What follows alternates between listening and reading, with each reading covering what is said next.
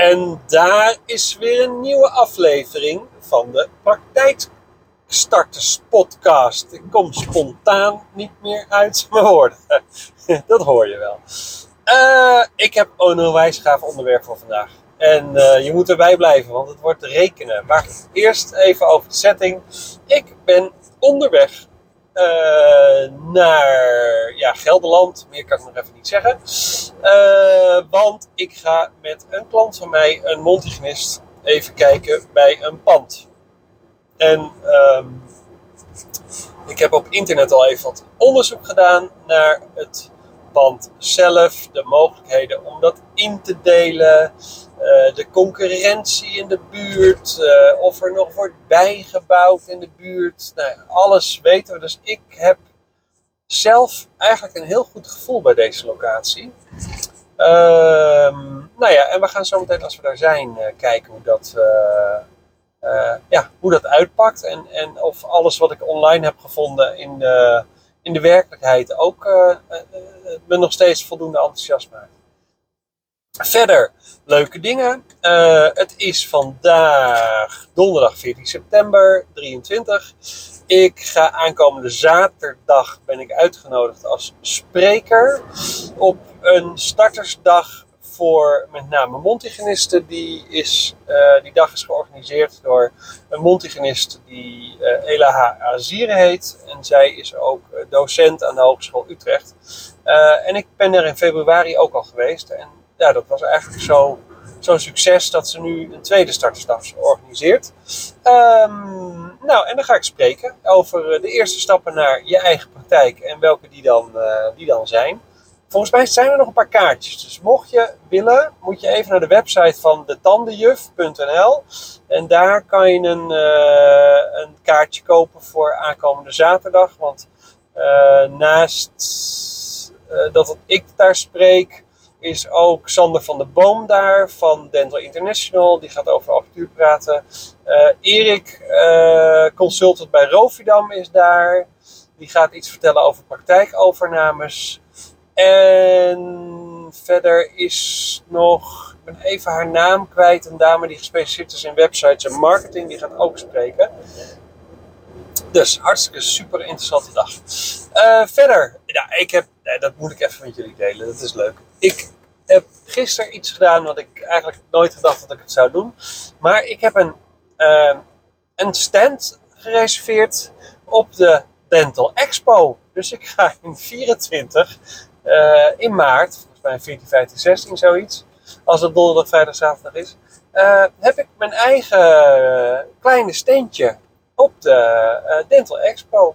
Dus daar heb ik alle tijd, drie dagen lang, tot s'avonds laat, om te kletsen over uh, uh, jouw praktijk, jouw toekomstige praktijk, jouw praktijkovername. Wil je een praktijk uitbreiden? Heb je er alleen en wordt die, wordt die te groot? Wil je, dat, dat doe ik ook, daar kunnen we het ook over hebben.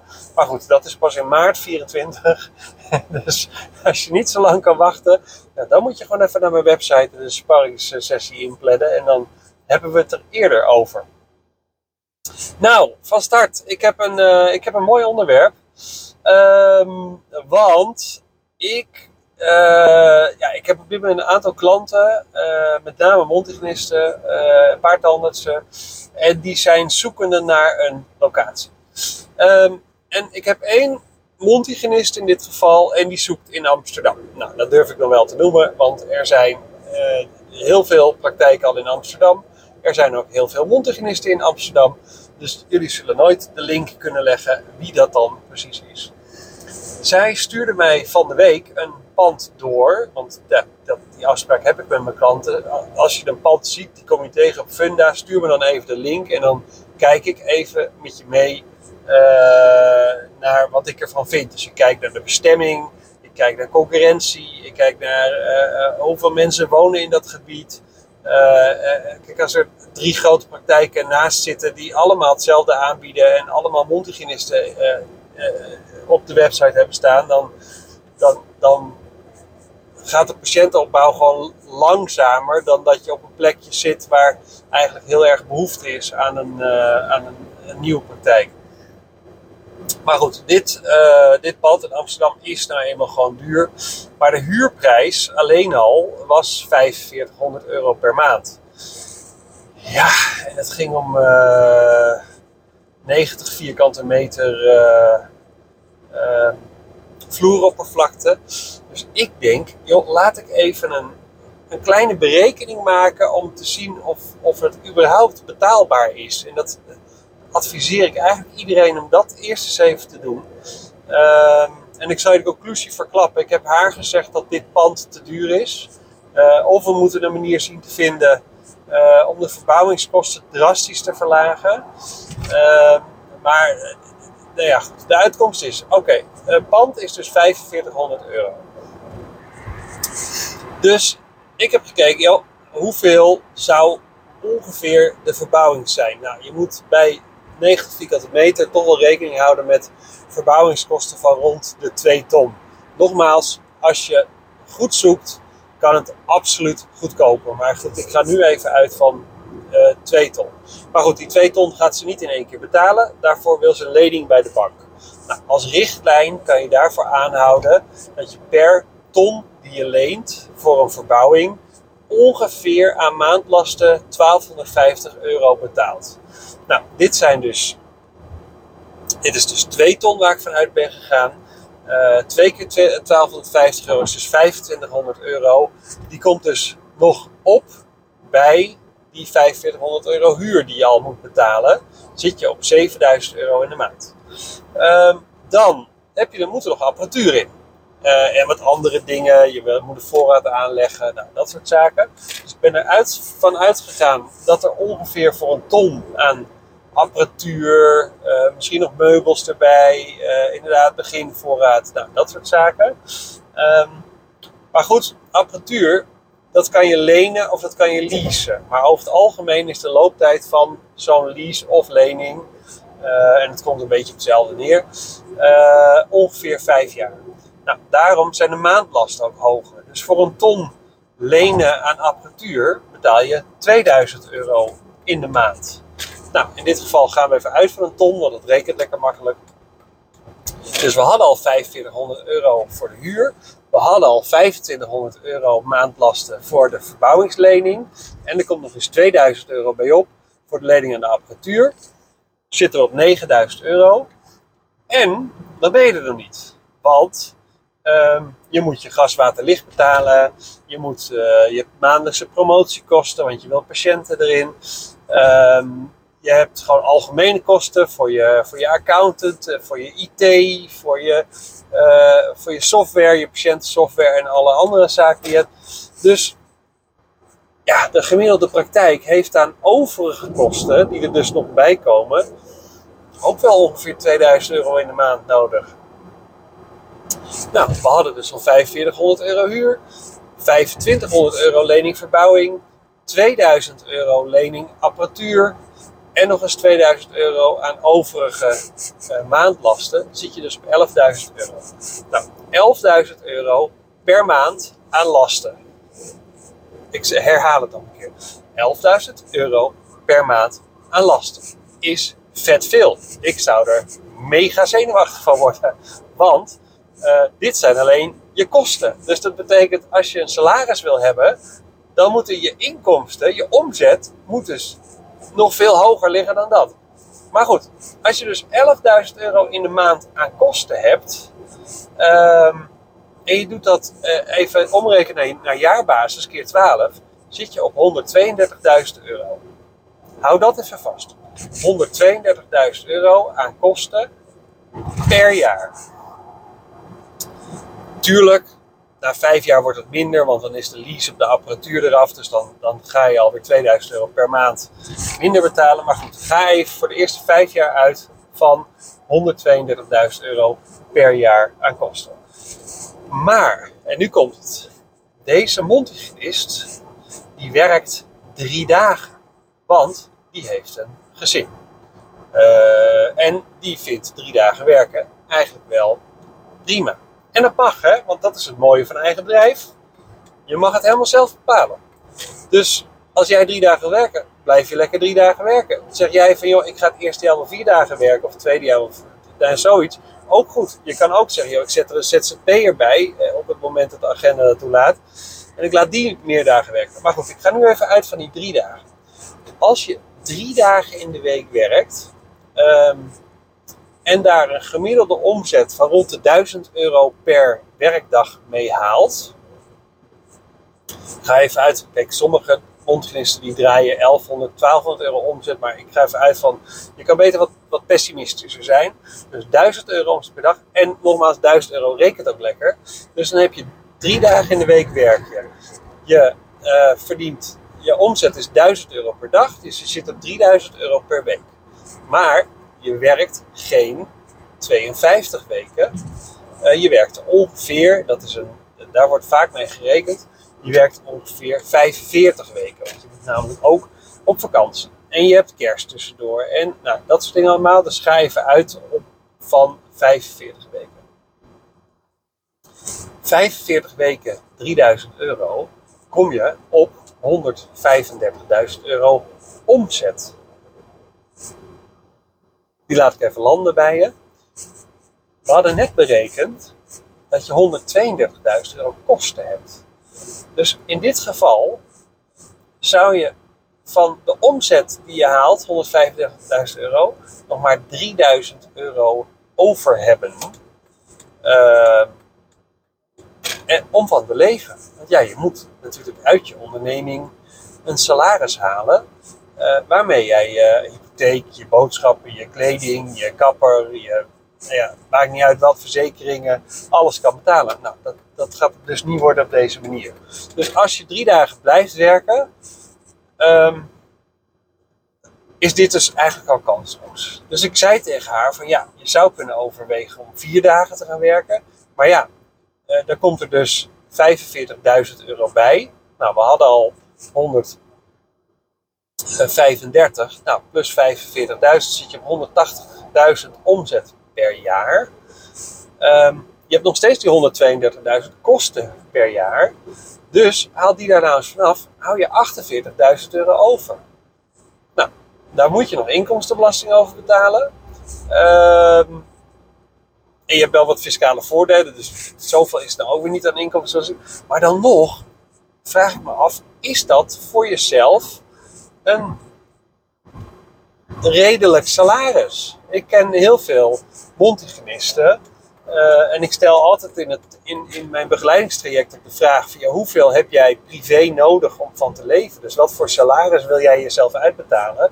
Ja, en ik hoor vaak: kijk, de een zegt 2500 euro, de ander zegt 3000 euro. Maar ik heb ook, ook uh, ja, vrouwen, want 9 van de 10 keer is mijn klant een vrouw.